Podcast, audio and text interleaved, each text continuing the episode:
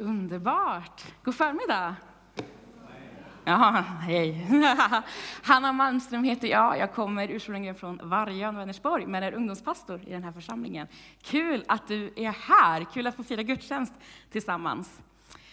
Eh, och jag tänker så här, vi kan väl bara göra så, för att det är så underbart, så kan vi bara be för den här stunden som vi har tillsammans, att Gud ska få tala in i våra hjärtan och att vi ska få vara öppna inför det, eller hur? Det låter väl bra? Så Jesus, jag bara tackar dig för hur underbar du är, Jesus, för att du är herrars herre och kungars kung. Och att eh, tillsammans så kan vi få vara här med dig och få låta dig få beröra våra hjärtan. Herre, jag ber att vi ska få vara öppna för vad du vill säga, Jesus, och att det är ditt ord som ska få tala idag, Herre, och inte mina. Utan kom med din helighet, kom med din härlighet, Herre. Berör oss i den här stunden, både vi som sitter här och även de som sitter där hemma. Eh, och bara låt oss få ha en fantastisk stund med dig just nu. Amen. Härligt, fint. Underbart. Eh, för några, för lite mer än en månad sedan är det nog till och med, så eh, predikade jag här och jag pratade om fruktan. Närmare bestämt att vara fri ifrån fruktan. Du och jag är inte skapta till att leva i rädsla. Eh, vi är skapade med en frimodig ande, vi är skapade med mod. Vi är skapade med frihet. Och jag läste då från Matteus där det står hur Jesus eh, sover i en båt. Eh, och han är tillsammans med lärjungarna. Och rätt som det är så kommer det en stor, stor storm. Okay? Och eh, lärjungarna blir rädda. De tänker att det är kört, vi kommer dö. Så. Eh, och de väcker Jesus eh, i fruktan och, och säger liksom till honom att bryr du dig inte om att vi håller på att gå under? Och Jesus ställer sig upp i båten och så, så säger han till stormen strängt, liksom, håll tyst, tig, var stilla. Eh, jag fick höra av en broder här att han sa det att, det, det stod, alltså att i det hebreiska, liksom, i den arameiska som Jesus talade, så säger han faktiskt håll käften till stormen. Oj, haha, så det är så. Eh, och stormen stillar sig och, och Jesus vänder sig till lärjungarna och så säger han, vad är problemet? Liksom. Vad är problemet? Så lite tro ni har. Och då står det att de greps av fruktan. Och så vänder de sig till varandra och säger, vem är som honom? Till och med stormen lyder honom. Det här ordet som står här, fruktan, det är inte en vanlig fruktan. Det handlar inte om att de blir eh, rädda och gömmer sig i ett hörn. Utan det ordet, om vi ser i grundtexten, det är en Guds fruktan. För att någonstans där i båten inser lärjungarna att personen de har med sig, deras mästare, deras rabbi, deras Jesus, är så mycket större än vad de har kunnat förstå. Det är Guds fruktan. Guds fruktan är inte rädsla där jag eh, har en negativ känsla, utan det, det, har att göra med att, att någonstans förstår jag hur stor Gud är. Och det är en central del i vår kristna tro, egentligen, eller? Vi hör inte så mycket om det här, alltså så här att, att man pratar om Guds fruktan. Eh, och jag kan tro att det har med olika anledningar. Alltså, en kan ju vara att, att det känns så jobbigt någonstans att prata om Guds fruktan. Alltså att jaha, ska vi vara rädda för Gud? Man förstår inte ordet riktigt. Eh, eller så tänker man att, att äh, amen, jag gillar ju att Gud är mig till mötes, att han bekräftar mig, han stryker medhårs och liksom, han finns till för att bekräfta mig och ge mina behov och allt det där. Eh, och då kanske det skapar ett motstånd att föreställa sig att vi också ska frukta Gud. Eh, så här är det i Jesaja 6, och det är de första typ, ja, eh, verserna där. Ehm, vi kan ta till och med de första åtta. Då står det så här, och det här är, Jesaja är en profet, okay?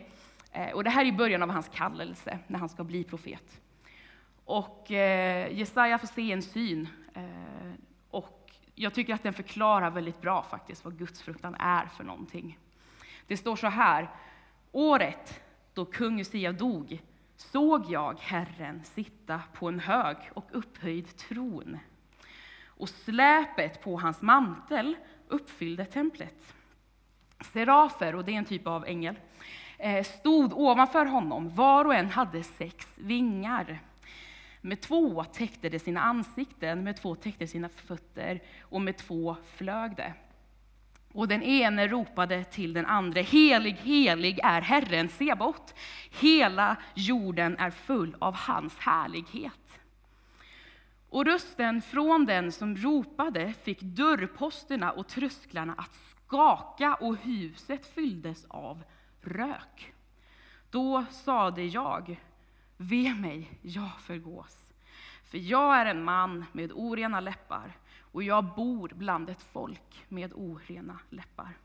Och mina ögon har sett kungen, Herren Sebaot. Då flög en av seraferna fram till mig, och det här är lite konstigt. I hans hand var ett glödande kol som han hade tagit från altaret med en tång.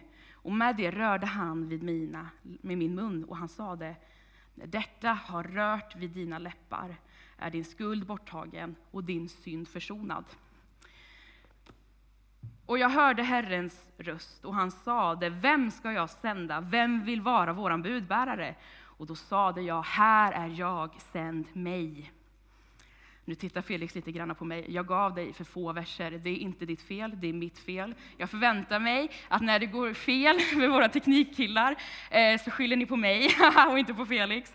Eh, jag förväntar mig att ni regelbundet tackar våra tekniker för det fantastiska jobb de gör där nere. De förtjänar en applåd. Det kan vi göra nu. Varsågoda. Som sagt, så här är det. I, I den här delen nu då, det här var då vers 1-8 i kapitel 6 i Jesaja. Så är det någonting som händer. Och du kanske tänker så här, vad har det här med gudsfruktan att göra? Det är lugnt, jag kommer dit nu.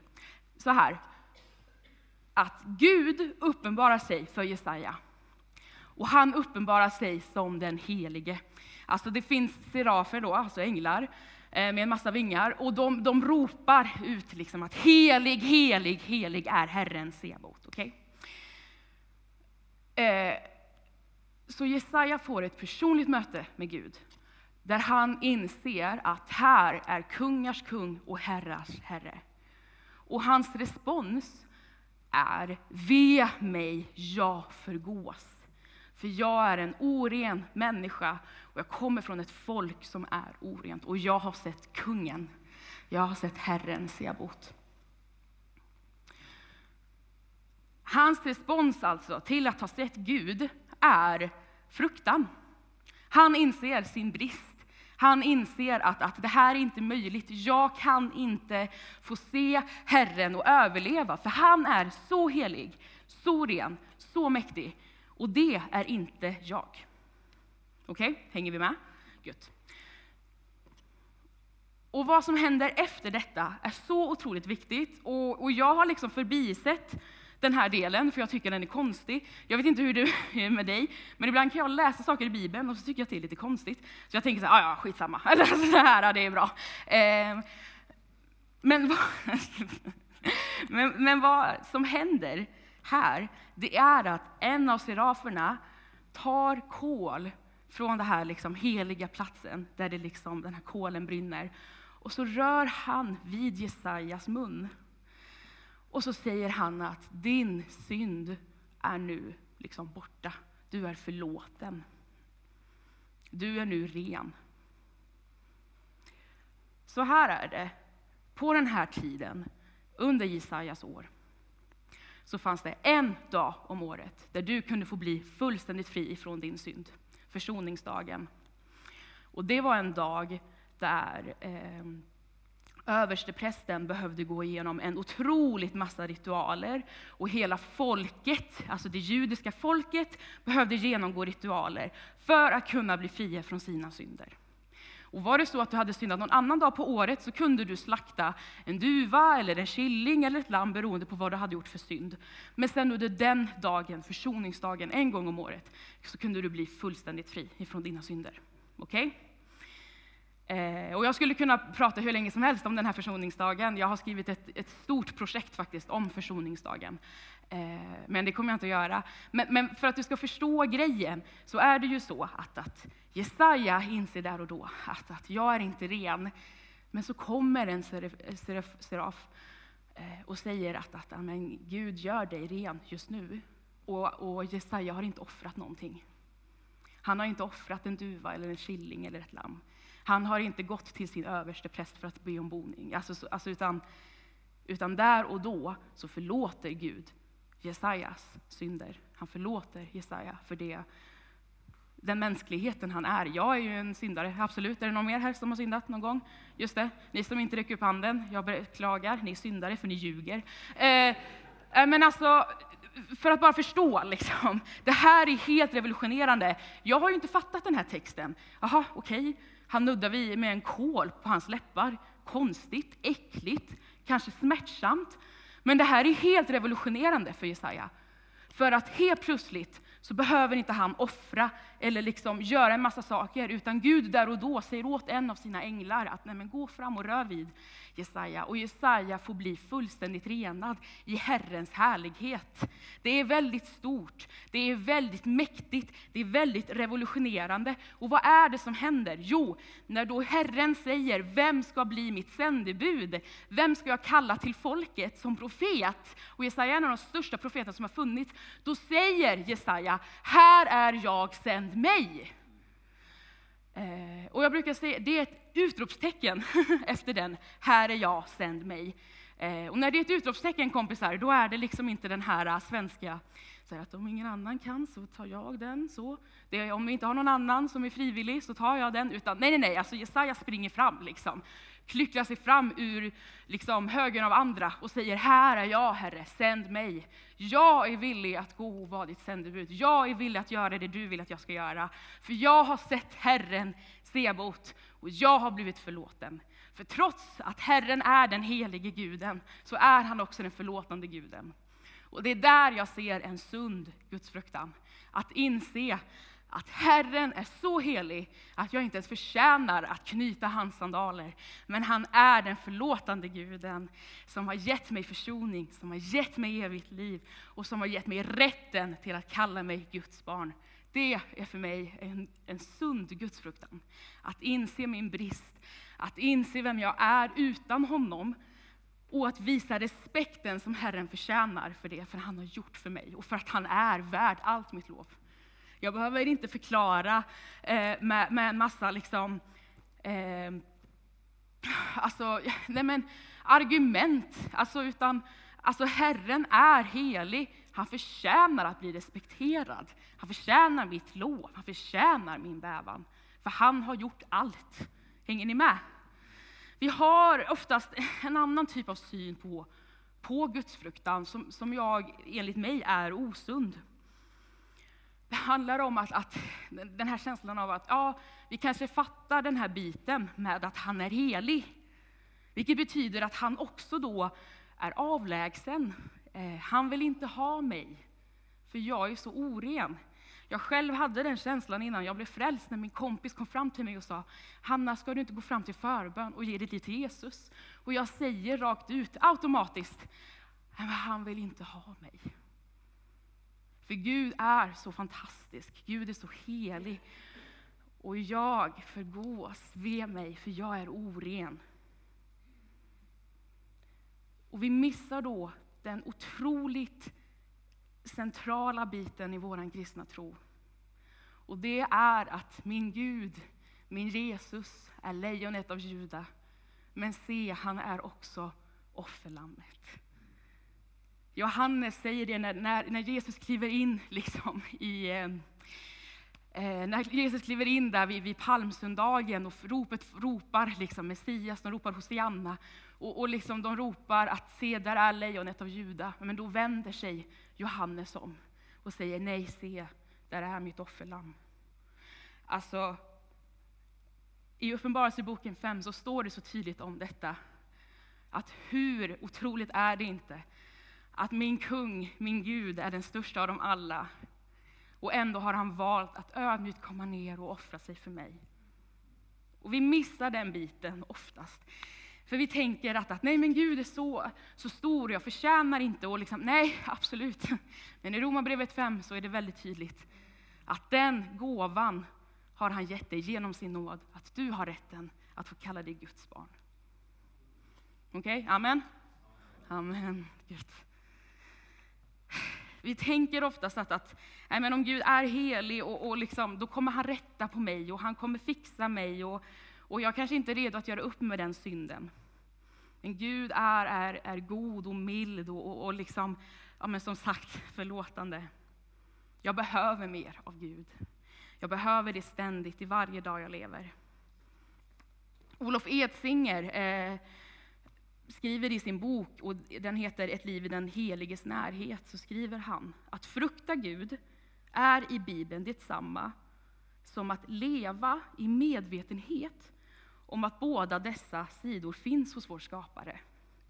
Det är att i allt man gör ha både Guds helighet och Guds förlåtelse för ögonen. Till skillnad från rädsla beskriver gudsfruktan därför den troende människans hållning till Herren. Gudsfruktan skulle man kunna säga, det är en kombination av bävan inför Guds helighet och tacksamhet över hans nåd. Som det så talande formuleras av psalmisten, och det är i Psaltaren 2, vers 11. Tjäna Herren med fruktan och gläd er med bävan. I Psaltaren 100, i vers 4, så står det att jag ska få kliva in genom hans portar med tacksägelse, in i hans gårdar med lovsång. Att jag ska få kliva in i det allra heligaste, vara nära Gud, och jag ska få göra det i evigheters evighet. Och jag kan redan här och nu se Guds rike komma. Jag kan redan här och nu få smaka och se att Herren är god. Eh,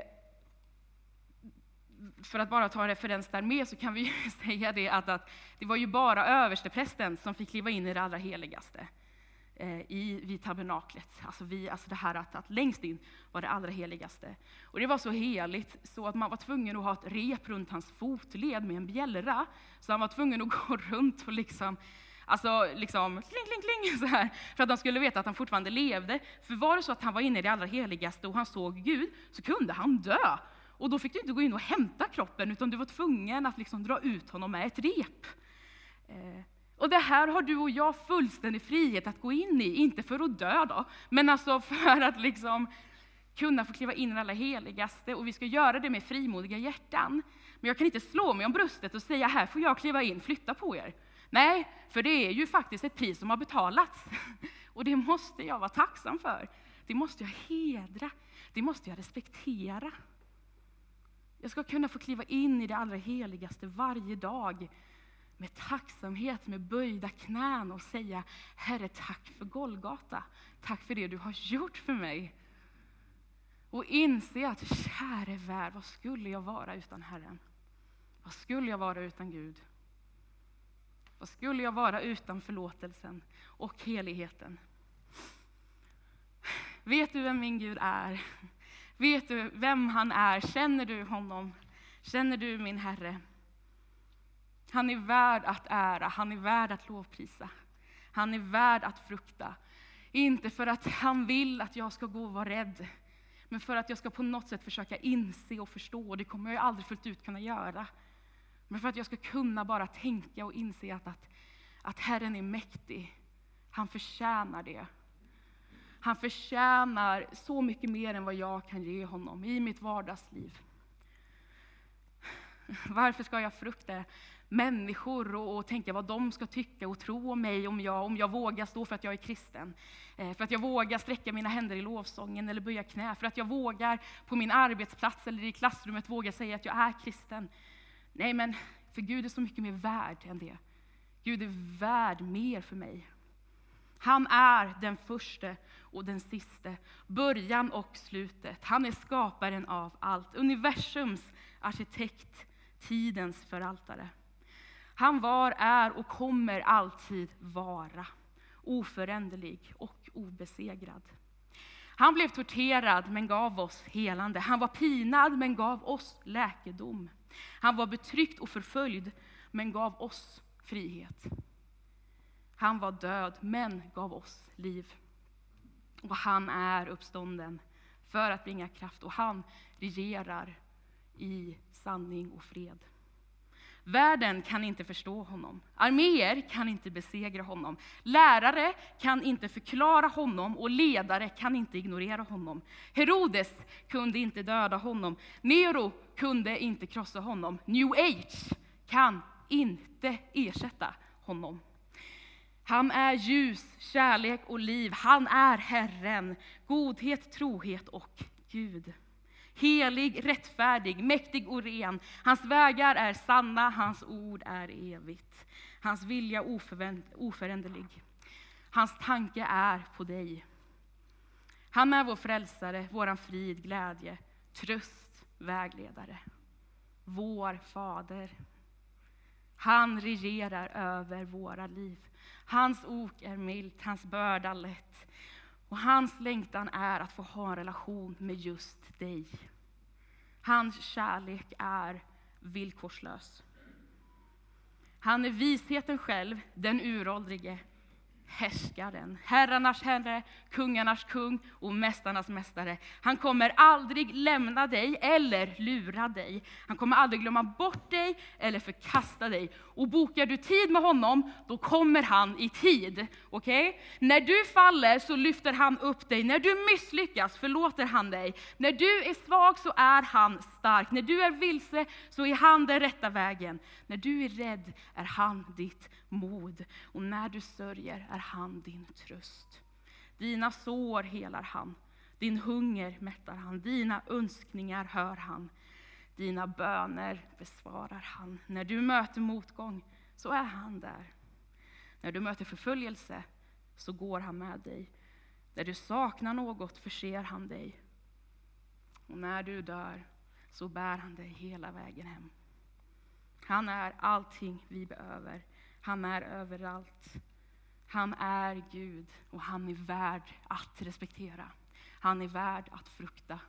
Han är värd att lovprisa, ära, tillbe. Han är värd att böja knä inför. Han är värd att, att sträcka sina armar och händer mot. Han är värd att längta efter. Han är värd att bäva för. Han är värd att, att, att ge allt till. Han är värd det. För att han är Gud han är helig, helig, helig, Herren Sebaot. Och hela jorden är full av hans härlighet. Och han är den helige och förlåtande guden. Det är Guds fruktan. Han är så mycket mer än vad vi någonsin kommer kunna förstå. Men låt oss börja med att bara tacka honom. Låt oss börja med att respektera honom och att varje dag få bli påminda om att allting börjar hos honom. Jesus, jag bara tackar dig för den här stunden, Herre. Jag tackar dig, Herre, för att du är den levande Guden, kungars kung och herrars Herre. Och Jesus, jag bara ber att, att låt det få bli en revolutionerande tanke för oss att få ha den sanna och sunda gudsfruktan över våra liv. Att inse hur stor du är, hur mäktig du är, Herre och få tackas för den nåd och förlåtelse, den kärlek du har till oss, Herre. Kom helige Ande och berör oss just nu, Jesus. Kom och låt oss få, få våra ögon öppna för vad du har gjort, Herre. För det pris du har fått betala, Herre. Kom Jesus, kom och berör oss just nu. Vi kan göra så att vi ställer oss upp och så, så är vi fullt fria i lovsången, i äran till Herren.